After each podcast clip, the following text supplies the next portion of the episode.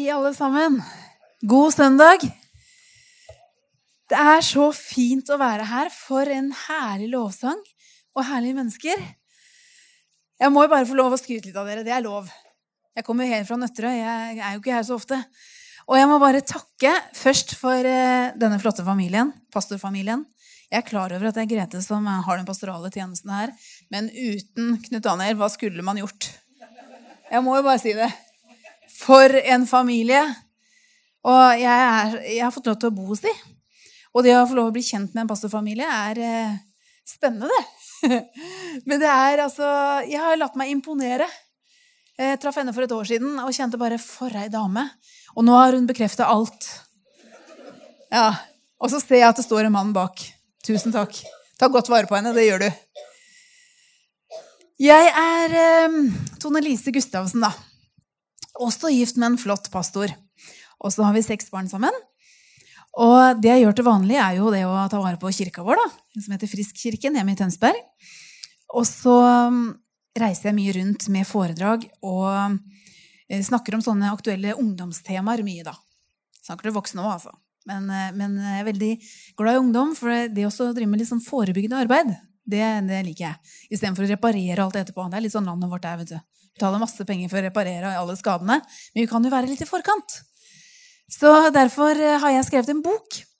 Jeg får lov til å gjøre litt sånn egen reklame her nå. For jeg har bare skrevet én bok. Det er den eneste boka mi. Så jeg må få lov å, å bare være stolt av den. Den heter 'Frihet og ren sex'. Vennskap og dating og sånn. Ja, det er ikke noe for meg, sier du. Nei, mulig. Men kanskje du har noen den passer for. Jeg har eh, venninner på min alder som sier men hallo, det er jo ikke for 17-åringen, det her. Det er jo for meg. Den her skulle jeg lest for lenge sida. Eh, denne boka den tar opp egentlig, den, den, motiverer deg til å leve et rent og hellig liv. Og så gir den deg hemmeligheten bak det hele. Kraften du trenger. Ikke sant? Du trenger å bli født på ny vet du, for å få til det her livet. Så jeg er helt underlig, for denne boka har blitt tatt inn i, i vanlige, ordinære skoler som klassesett. Og du trenger ikke å lure på hvordan du blir frelst her, altså. Så jeg er veldig, veldig glad for det. Eh, denne boka den, jeg, den, er tom på Herman forlag, faktisk, så jeg har med meg syv stykker her i dag. Så hvis dere har lyst til å kjøpe den, så løp og kjøp. 229 kroner koster den. Og hvis du vil ha min signatur og litt sånn eh, hilsen inni, så koster den også 229. Så bare gled deg. Den har hjulpet mange unge mennesker. Ja, hvor skal jeg begynne? Jeg er alltid litt sånn at jeg, jeg, har lyst til å dele så mye med dere, så nå må jeg liksom bare samle meg. Eh, fordi at eh, Jeg vet ikke om du har annonsert hva jeg skal dele? Det er veldig bra, for jeg pleier å bytte tema. Flott. men, men, det som, som, opptar meg litt, det er eh, det her å Altså, vi har jo en stor Gud vi lever for. Og det er ikke noe vi ønsker mer enn å høre Han tale til oss. Altså, Vi ønsker å være midt i hans plan. Og det, det er liksom eh, du kan, du kan, få hele verden hvis jeg bare får ha Jesus. Sånn er det for deg, og sånn er det for meg. Og da er det jo litt sånn at vi kan ofte komplisere det og tenke at eh, ja, se på Grete, vet du, hun får jo til alt. Da kan man jo bare tenke nei. Ah, ja, men det er henne, liksom. Ikke sant? Og kanskje ikke du sier det, men du kanskje sier ja, du leser din bibel og sier ja, men det var jo Jesus. Hallo. Jeg kan jo ikke holde på sånn. Det er så lett å finne unnskyldninger. Men Jesus, han taler til deg, han. Tenk deg det. At han har deponert talsmannen, Den hellige ånd, inni deg. Han taler til deg hele tiden med en sånn mild stemme. Og jeg tror at uh, vi ikke engang vet at han taler til oss alltid. Ikke sant? Og du kan kanskje sitte og tenke ja, nå er det tørt. Nå er det litt vakuum her. Det er lenge siden jeg har kjent Gud, liksom. Da har jeg en, eh, en oppfordring til deg. Da skal du åpne din bibel. Der møter du han. Der taler han til deg. Eh, men dere, la meg bare lese en eh, Ja, hva kan jeg kalle det? Et lite, det, det, er et anonymt Det er ikke anonymt, men det er i hvert fall en ukjent som har laget et lite dikt. Jeg starter med det. Den heter Nok stillhet.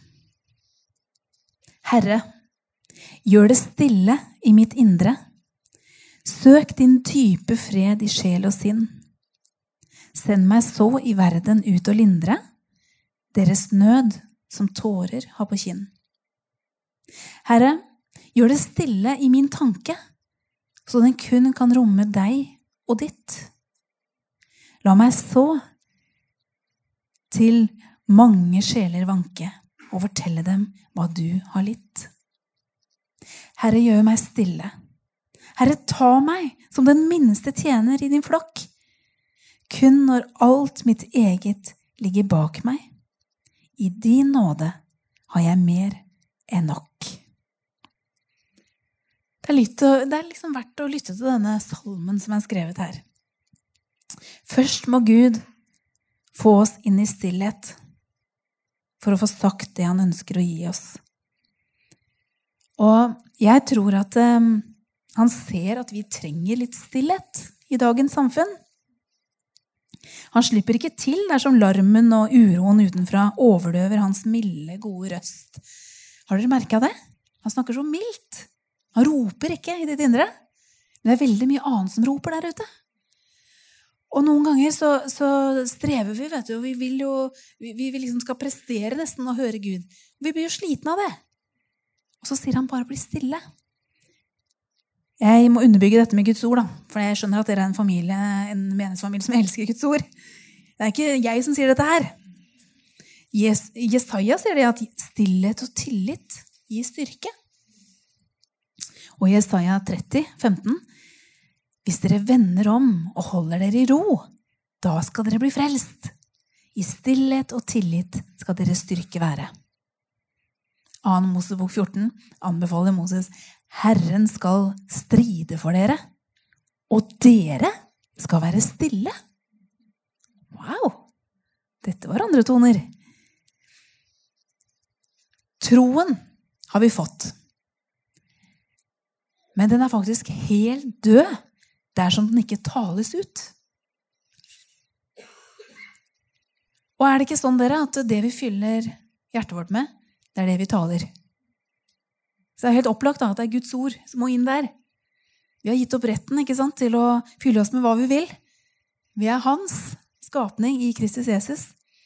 Så når vi har fylt oss med rett saker, så kommer rette ting ut. Har du merka det? Det du er opptatt med, det er det du snakker om. Jeg skal ikke snakke lenge med et menneske for å vite hva man er opptatt av. For jeg går rett på vet du, og henter frem gullet. Og skal vi vite hva tro er, så må vi fylle oss med Guds ord. Tro er en relasjon, snakka vi om her i går. Det er sånn at uh, Jesus Kristus er den som skaper tro. Og hvis tro er full tillit, må det rettes til en person som heter Jesus Kristus. Og har vi en dårlig relasjon til han, da har vi lite tro. Men vi skal jo leve av tro. Vi er jo nødt til å bli kjent med han. Og dette er ikke, er ikke liksom for å dytte deg ned, det er for å oppmuntre deg. For ordspråkene 4, 20-22, så står det 'Lytt til det jeg sier, min sønn'. Vend øret til og hør mine ord. Slipp dem aldri ut av syne. Bevar dem dypt i ditt hjerte, for de gir liv til den som finner dem, og helsebot for hele kroppen. Helsebot bruker vi ikke mer, men det betyr medisin. Det er medisin for kroppen din. Så uansett hva du trenger, så har Gud et ord for deg til å medisinere deg. Ja, Er det ikke rart at vi leter etter andre substitutter rundt omkring for å liksom stille vår tørst? Og så finnes det i ordet. Dette verset begynner med at vi skal lytte til det han sier. Det betyr å sette Guds ord først. Vende øret til. Bevare det dypt i vårt hjerte. Hvorfor skal vi gjøre dette? Fordi Guds ord gir liv til den som finner det, og medisin til hele kroppen. Så uansett hva du lider av, da, så har Gud en medisin for deg. Uansett hva du trenger. Kanskje du kommer med behov her i dag, og så tenker du ja, nei, det er ikke noe håp for meg. Jo, det er nyheten. Det er medisin for deg å få. Slipp aldri ordet ut av syne, og se deg selv frisk. Vet du, Jeg hørte en historie eh, var fra Kenneth Hagen, som fortalte at eh, han, han ba jo for syke, vet du. Og, og, det var en gammel gammel dame som hadde vært evangelist i lang tid. Hun var 82 år, og så hadde hun ligget til sengs et helt år. Ligget til sengs med kreft i magen. Hadde en stor mage med kreftsvulst. Og så kom han for å be for henne, og mange hadde vært der altså, og bedt for henne. Men hadde ikke blitt frisk. Men da han kom inn dit, så hørte han en stille røst på innsiden. Du skal ikke be for henne. Bare fortell henne at hun må se seg selv frisk. Det var jo spesielt. Men så sier han det. Klarer du å se deg selv frisk? Klarer du å se magen din flat? sa han til denne gamle evangelisten. Ja, det skulle jeg kunne klare, sa han. Ok, ha det, sa han. Så gikk han. Og etter et par-tre måneder, så hver gang hun så ned på magen sin, så så hun den i sitt indre øye som den var helt flat. Og etter et par-tre måneder så var den blitt helt flat. Og hun sto opp. Og så møtte han henne et år etterpå. Og kom, hun kom sant, på et møte hvor han talte. Og etter møtet så sier hun 'Hei, kjenner du, husker du meg?' Og han så på henne. Nei. Jeg har aldri, aldri sett en dama før. Jo, det var jeg som lå i sengen. 82 år gammel. Nå er jeg 83. Og jeg lever i beste velgående. Er det du med kreften i magen? Ja. Og jeg kunne ikke kjenne henne igjen, for hun så jo mye yngre ut. Sa han. Hun var jo blitt helt fornya. Men jeg så, hun fortalte historien, jeg så meg selv frisk, og plutselig så var jeg frisk. Det er rått. Og hun var i gang å tjene og, og ga evangeliet videre. Og da, dette, Denne historien denne gjorde så inntrykk på meg, for jeg tenkte vi ser litt mye på omstendighetene, gjør vi ikke det? Det er så lett at vi på en måte taler ut det som vi kjenner og føler og ser. Og Jesus, vet du, han sa til en predikant at eh, Mitt folk, de sier det de har. Altså det, det, som de opplever og ser og hører og kjenner.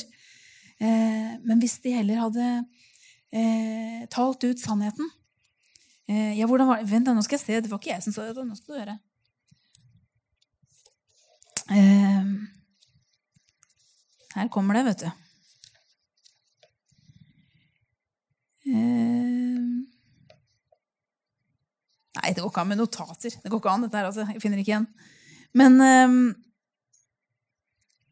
uansett eh, Jeg snubler i orda, skjønner du. Glem det, da, så kommer det igjen etterpå. Men hør her. Guds ord virker hver gang det blir talt ut riktig.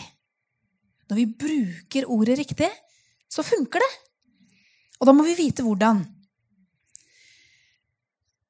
Det er sånn at eh, når vi fyller oss med Guds ord, så taler Gud til oss der. Og munnen vår taler det hjertet er fylt av. Men hør. Når Gud taler til deg, så høres det akkurat ut som deg. Nå fikk du en hemmelighet. Det høres ut som din stemme. For Guds ord i din munn er akkurat like sterkt som hans ord i din munn. Du har sikkert tenkt at, eh, at det ikke alltid er Gud. Du får en innskytelse, og så tenker du liksom ja, ja, kan jo være Gud, kan ikke være Gud. Jeg vet ikke. Men etterpå så oppdager du at det der var Gud. Sant? Og det er derfor du, du ikke alltid hører han, for det er, det, er, liksom din røst. Det høres ut som din stemme i ditt indre. Jeg skal gi deg et eksempel. Jeg, For flere år siden eh, opplevde at, at Gud minte meg på en nabo. En gammel dame som jeg pleide å snakke med. Hun pleide å gå rundt med gåstolen sin. Og, jeg hadde alltid tid til å stå og snakke med henne med de små barna mine. Og, og plutselig en dag så opplevde jeg ånden bare i mitt indre sa Skal du ikke bare be Kari på kaffe, da? Og jeg tenkte ja, kanskje det. Ja, hun har sikkert tid til å komme på kaffe. Jo, det skal jeg gjøre, tenkte jeg. Men så gikk jo dagene og ukene. Og jeg tenkte at det, ja, hvis det, hvis det liksom faller seg sånn, så er det klart jeg gjør det. Men så hørte jeg han dele det igjen. vet du. Du, du Husker du du skulle be Kari på kaffe? Ja, stemmer det. Men det var jo kanskje litt min idé òg, da. Sånn, du tenker jo det. Og så var det en dag jeg skulle på trening og låste meg ut. Og akkurat idet jeg låste døra og hadde ungene med meg, og greier, så hørte jeg veldig Av og til må Gud skrike litt til meg. altså.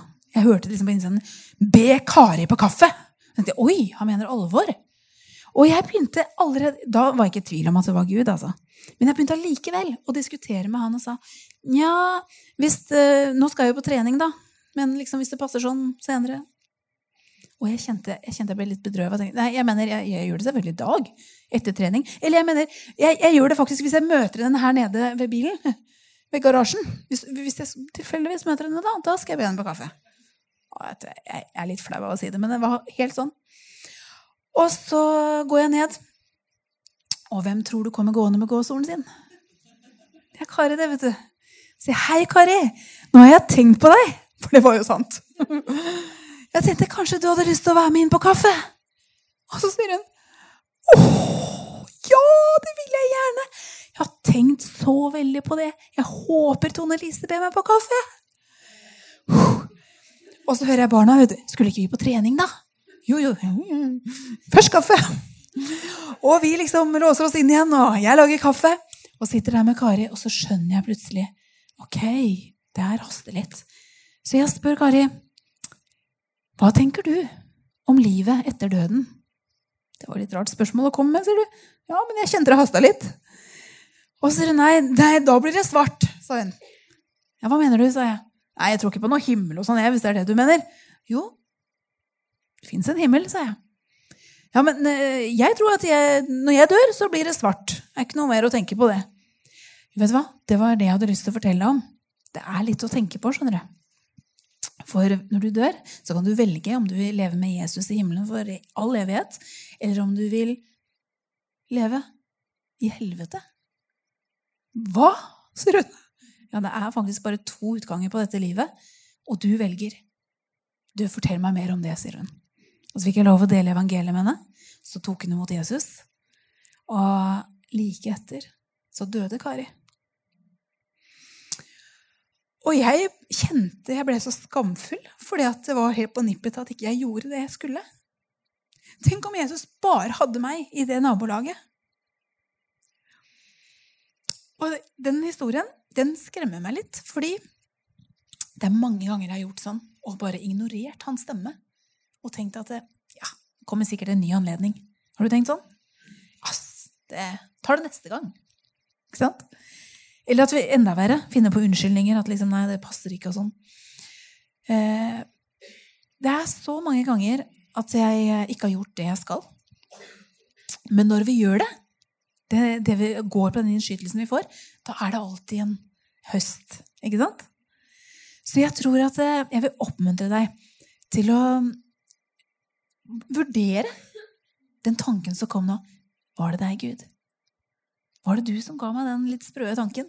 Han gjør det, skjønner du. Han gir litt tanker som du ikke alltid forstår. Men hør nå. Vil du egentlig at alle de negative ord som du sier, skal skje? Har du tro for det?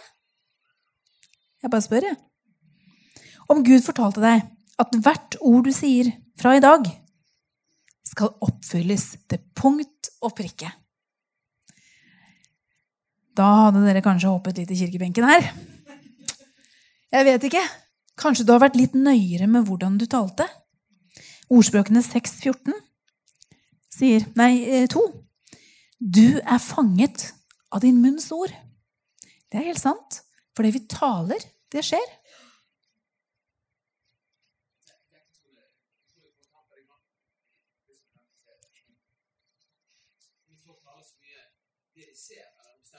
Ja. Ja. Ja.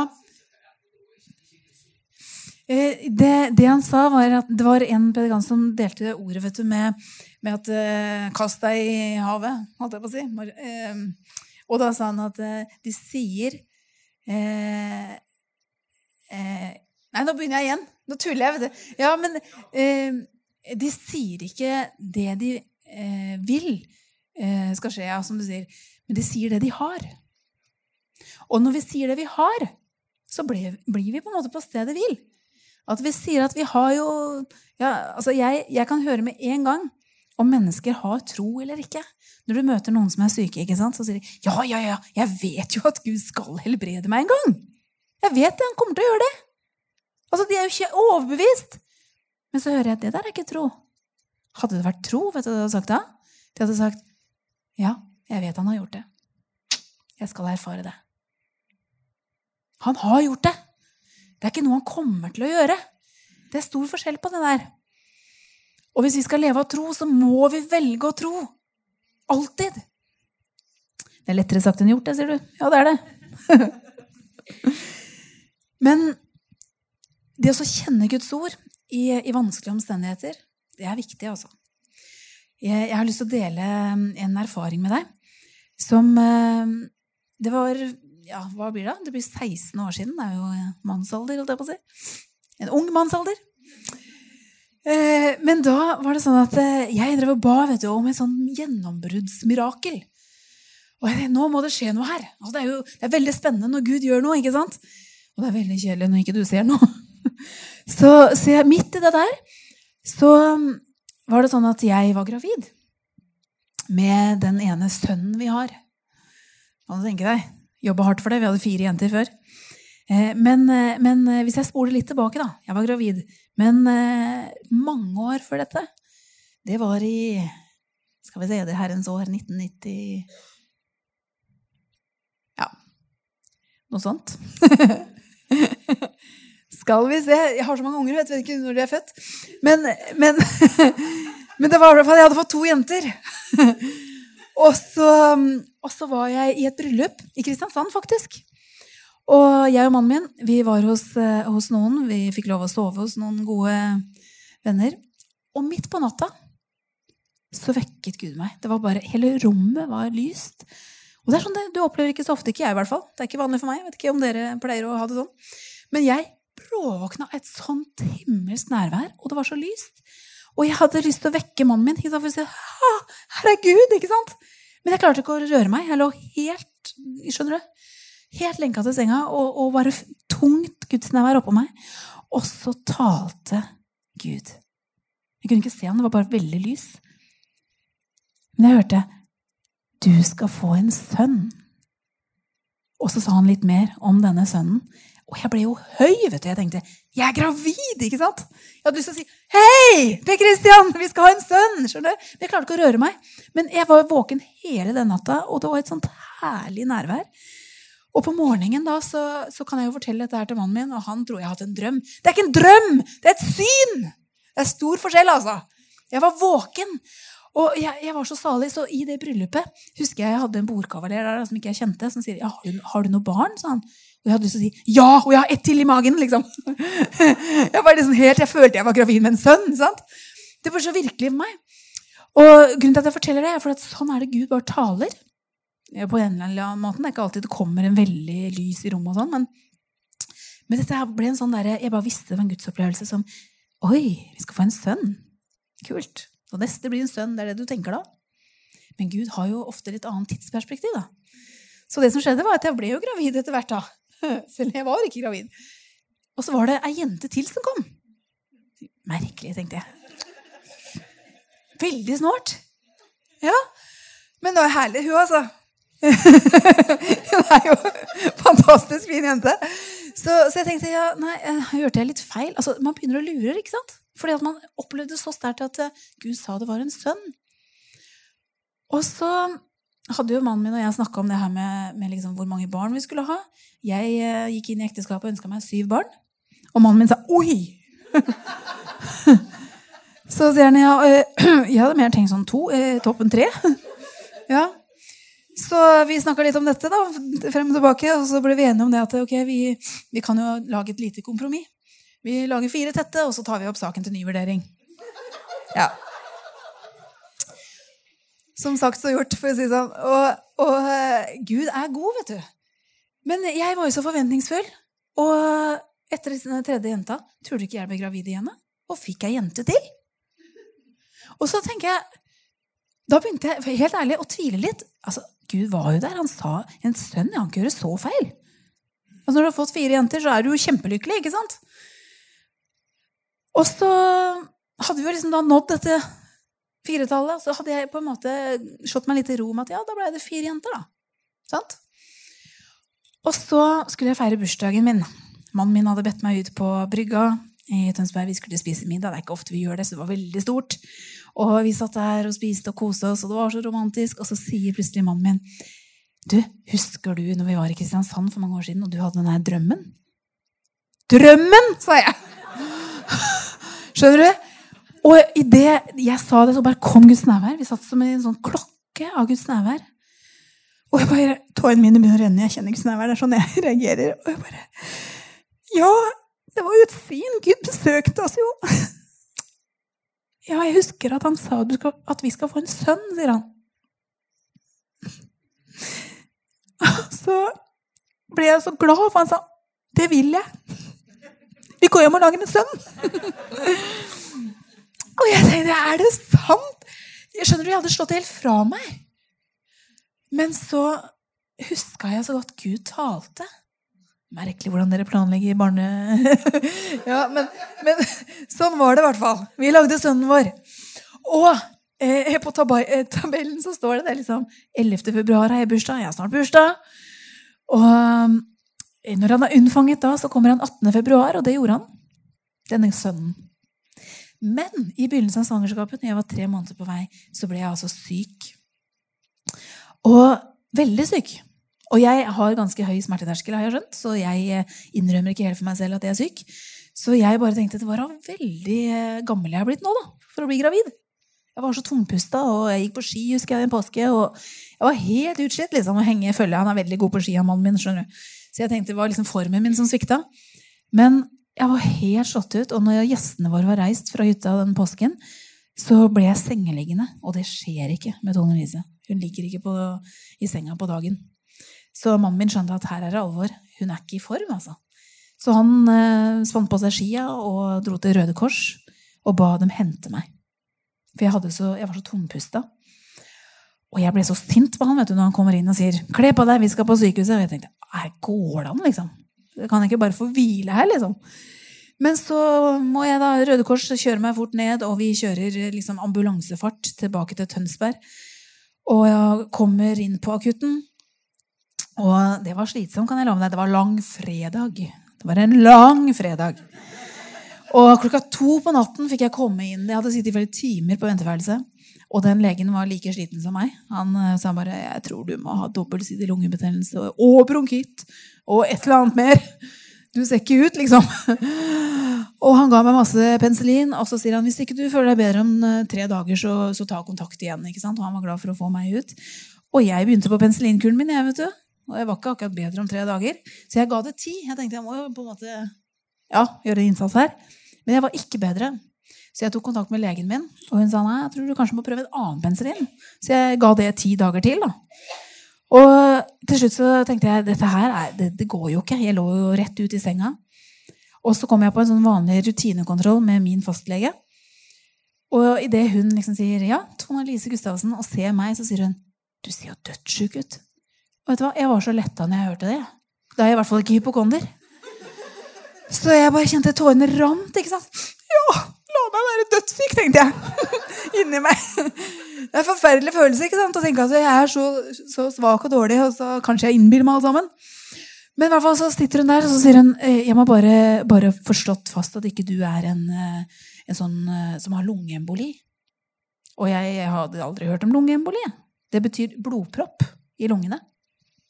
Jeg trodde er bare gamle mennesker fikk.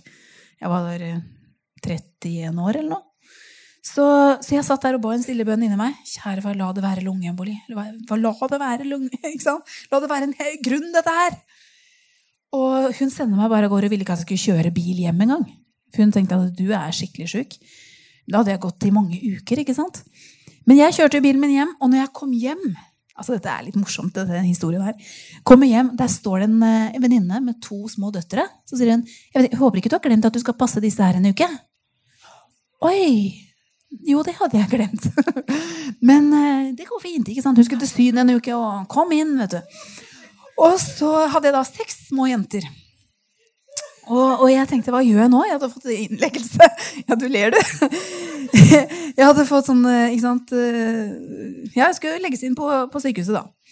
Så når mannen min kom igjen, så kunne jeg bare legges inn. Og da, da var det liksom Ja, hva er det som feiler en gravid kvinne? Du kan jo ikke ta den nødvendige røntgen. Sånn, det er mange ting du ikke kan få sjekka helt ut. Du skal jo ikke skade barn i magen. Men eh, så alt det de holdt på med da når de undersøkte meg så, du, Dere vet at jeg, at jeg, har barn i magen? liksom, Ja, ja, ja, liksom, og det går fint. Og. Så eh, ble jeg lagt inn sammen med tre damer på et rom. Vi har sånn firemannsrom. Og jeg kunne fortelle min historie. Her var jeg på lungeavdelingen med alvorlig syke. Og det var eh, alvorlige ting. altså. Det var kreft, og det var Ja, og jeg visste ikke helt hva jeg led av, men jeg går på penicillin, liksom. Intravenøst.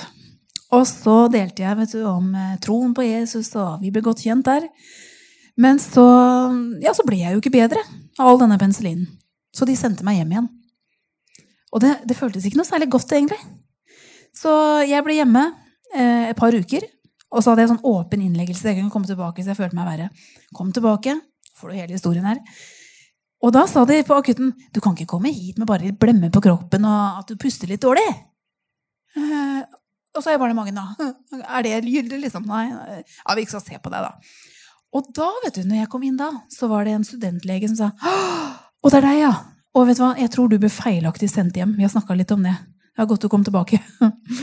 Så, så la det meg liksom eh, på samme rommet, men med én ny dame. Og de sa 'Å, det var godt å se deg igjen! Vi savna deg!' Jeg lagde litt liv og røre, skjønner du. Så klokka 11 på kvelden så må dere komme og liksom, nå må dere roe dere ned. Nå er det kveld. ikke sant? Nå kan ikke ligge her og le og prate. Så, men det som var litt gøy, var at disse tre damene de, eh, de var glad for å se meg.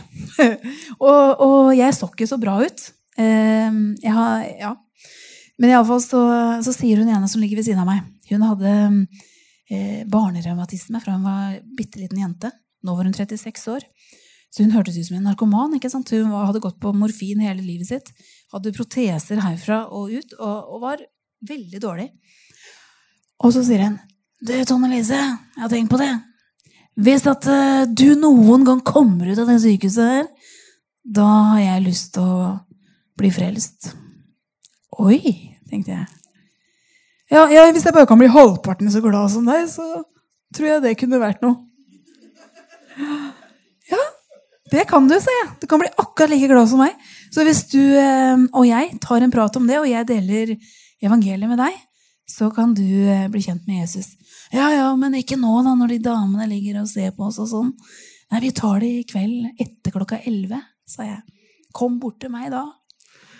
Planla liksom den meteren mellom. Og, og, jeg husker jeg hadde mannen min på telefon, ikke sant? Og sa det at eh, kan du være så snill å be for meg, for i kveld skal jeg nemlig be med ei dame til frelse. Og jeg er så svak. Jeg trenger litt styrke. Og jeg hører liksom mannen min i andre enden liksom litt sånn Ja, han tenker jo bare på meg, han, ikke sant? Ja, jeg skal, skal be for deg. Men det som skjer når denne dama kommer over Hun satt i rullestol, skjønner du, for hun var jo helt eh, ødelagt i kroppen. Men hun satte seg på sengekanten min, og så delte jeg evangeliet med henne. Og så inviterer hun Jesus inn i livet sitt. Og så sier hun, 'Jesus, jeg vil at du skal bli min ære.' 'Jeg vil at du skal ta over hele livet mitt', sier hun. Og når noen blir frelst, så pleier jeg alltid å si du må huske å takke Jesus for det. Det er han som har frelst deg. Jeg har ikke gjort eh, noen ting. Jeg har bare formidla det. Og det er Jesus som har flytta inn. Ok, sier han. Så plutselig hopper hun opp av senga og danser rundt på gulvet. For idet hun ble frelst, så kunne hun plutselig knytte nevene sine. Hun var helt stiv ikke sant, i protesen, men hun kunne liksom bare Jesus lever jo! Han lever jo på ordentlig! sier hun. Og, og, bare Hysj! sier jeg. ikke sant? De andre damene så. Klokka var halv ett på natta. Og jeg liksom bare prøvde å roe det hele. Så jeg, skal bare ringe mannen min og fortelle at jeg er blitt frelst! sier hun. Ja, men det kan du ikke gjøre nå. Du må vente til morgen. Er du gæren? Han kan ikke vente til morgen, sier hun. Og hun som sitter i rullestol, hun løper ned syv etasjer og ringer mannen sin. Skjønner du? Ja, det er helt, helt vidunderlig. Og det som skjer så, er at jeg er litt sånn småmisunnelig. For jeg tenker det var da veldig, da. Ja. Og den natta så får jeg ikke sove i hele tatt, for hun ligger jo hele natta 'Takk skal du ha, Jesus! Takk skal du ha!' Ikke sant? Det bråka så fælt. Og når jeg da slår opp øya ikke sant, på, på klokka seks på morgenen, de kommer med smertestillende og sånne ting, disse sykepleierne, så våkner jeg at hun diskuterer med disse sykepleierne. Så sier hun ja, men hør her, da! Jeg trenger jo ikke med noe morfin, jeg! Jeg har blitt frelst, skjønner du! Ja, ja, ja, sier de. ikke sant? Nå har jeg tippa helt for deg. ikke sant? Så, du, vet du hva? Hør her! Tone Lise som ligger der, hun har bedt for meg, og jeg har blitt frelst og helbreda! Og jeg tenkte nå får jeg problemer. Så jeg lå der under dyna, og, og, liksom De måtte ta litt undersøkelse på henne, og sånn, og hun trengte ikke mer morfin. ikke sant? Så hun ble skrevet ut den morgenen. Så klokka ni på morgenen satt hun klar vet du, med bagen sin på senga. Og hun hadde spurt meg den natta du, han er mannen din han virker innmari fin, altså. Så, hva tror du han sier når han hører at jeg er blitt frelst? Oi, så sier jeg han kommer til å bli så begeistra. Ikke sant? Det gjør man jo. Han er jo pastor og greier. Og så kommer han og besøker meg på morgenen. Kommer inn på rommet, ikke sant? Han liker ikke sykehus, han er en stille kar. Så han eh, kom liksom litt snikende inn. Og så sier han 'Hei, Per Christian! Vet du hva som skjedde med meg i går, eller?' Eh, nei. Jeg har blitt frelst! Så fint, da, sier han. Litt mer entusiasme, tenkte jeg. Er det mulig? Skjønner du? Jeg bare sier det. Jeg, jeg, ble, altså jeg ble, så flau. Jeg tenkte liksom Går det ikke an å Ja. Men hun reiste hjem, frisk som bare det. Og der lå jeg. Ja. Og da tenkte jeg nå, nå mener jeg alvor. altså herre. Der hadde jeg ligget og, og switcha mellom det her og tenke hadde vært deilig å reise hjem. altså. Hadde jo vært godt om Jesus bare kunne henta meg. For du har så mye smerter. Du får ikke sove. Du er, altså, du, ja. Så kom de og, rulla meg inn og tenkte vi er nødt til å bare ta noe ultralyd av hjertet ditt og sjekke deg litt. Jeg tenkte ja, det kan dere få lov til. Og så idet denne overlegen setter liksom ekkolodd Nei, det heter ikke ekkolodd. Hva heter det for noe? Ja, ultralyd da, av hjertet mitt. Ja. Så hører jeg ikke sant, denne hjertepulsen 140 i hvilepuls, og jeg bare tenker Wow! Det er fosteret, tenker jeg. ikke sant? Det er jo babyen min! Kan jeg få se? Og så sier de nei, det er nok hjertet ditt, dette, jenta mi. Jenta mi! Ja. Så jeg sa nei, det, det, det, det, kan jeg ikke skjønne. Kan jeg få lov å høre og se på babyen? Jeg hadde ikke sett det. ikke sant? Og nei, sa de, det her ender nok inn i abort. Det er nok ikke noe liv der, sa de. Hæ? Det må jo være liv der. Og jeg overtalte legen til å se. Men da må du tåle om ikke vi finner liv, sa han. Ja, ja, ja, sier jeg. Og vet du hva vi får se på ultralyd? Klare bilder som bare det. Så ser du en liten krabat som folder hender og sparker med beina. Og da begynte legen å gråte. Han sa oi, her er det liv. Dette barnet ber jo for mammaen sin og livet sitt. Dette her var det sterkeste jeg har sett. sånn. Ja, det var nydelig. Og dette bildet vet jeg Gud ga meg. Det festa seg på netthinna. Jeg visste hei, vi skal overleve dette her. Jeg og sønnen min. Så jeg fikk skriftsteder vet du, eh, sendt fra pastorer og forskjellig. Du skal leve og ikke dø og forkynne Herrens gjerninger. Ja, Så da blei det så sant for meg. Men jeg skal være ærlig og si at innimellom så fikk jeg sånne, sånne ville tanker. da, Sånne løgntanker som liksom hadde vært godt å bare reise hjem. Og jeg begynte til og med å planlegge. liksom, Per Kristian klarer å finne en ny kone, og dette går fint. Og, ikke sant? Men de ringte altså hjem til Per Christian fra sykehuset og sa eh, vi må bare forberede deg, at eh, vi klarer nok ikke å redde kona di. Og ikke barnet ditt. Han fikk beskjed om at eh, kona di kommer til å dø, så du må innrette deg med å leve med disse fire barna. Det er sånn tøff beskjed å få.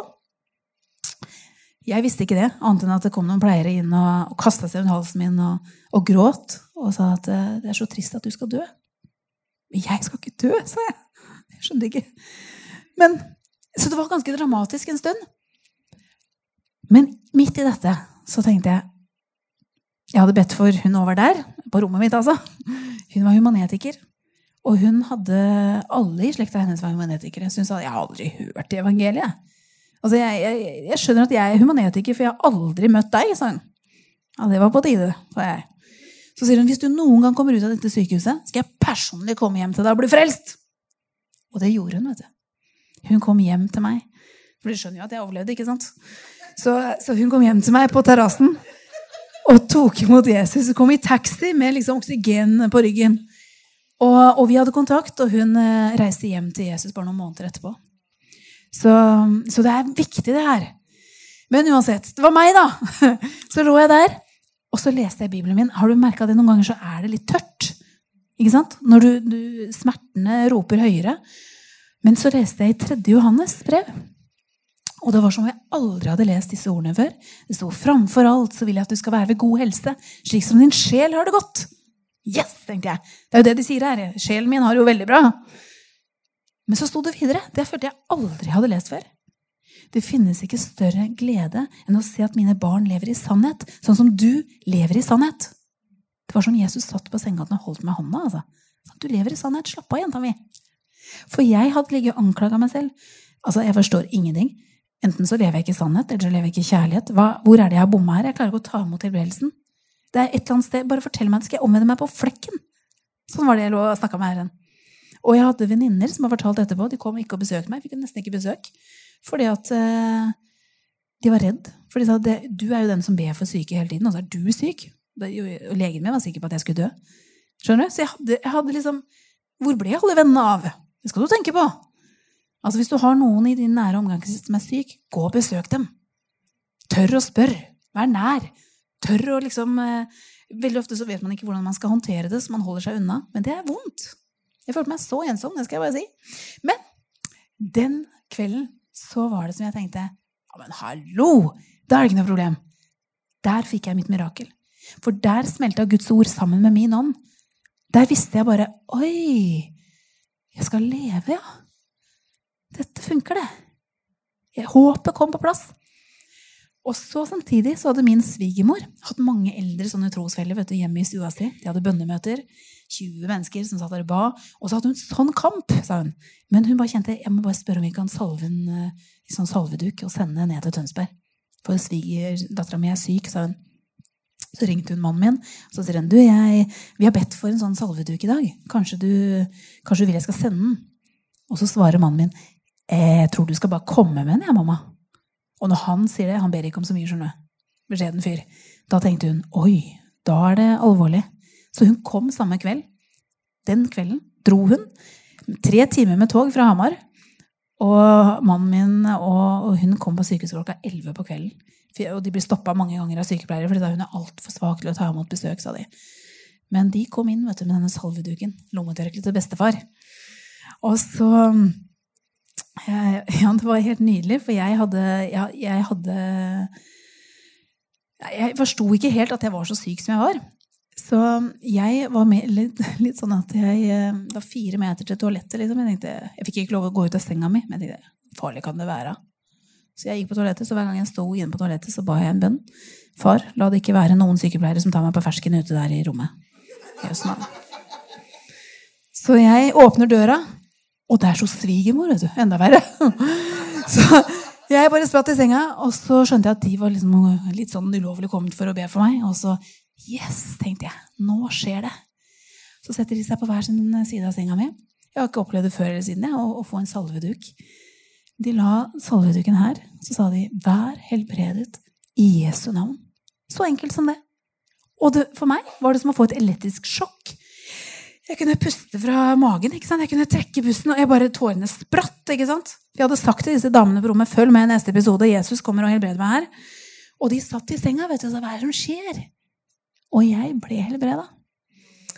Men den natta så var det skikkelig sånn kamp om livet mitt. For at jeg hadde fått masse du vet, penicillin som jeg ikke trengte. Så det hadde gitt en sånn derre allergisjokk, da. Jeg sa til mannen min før han gikk du, jeg bare føler meg så rar i leppene. Syns du jeg er rar?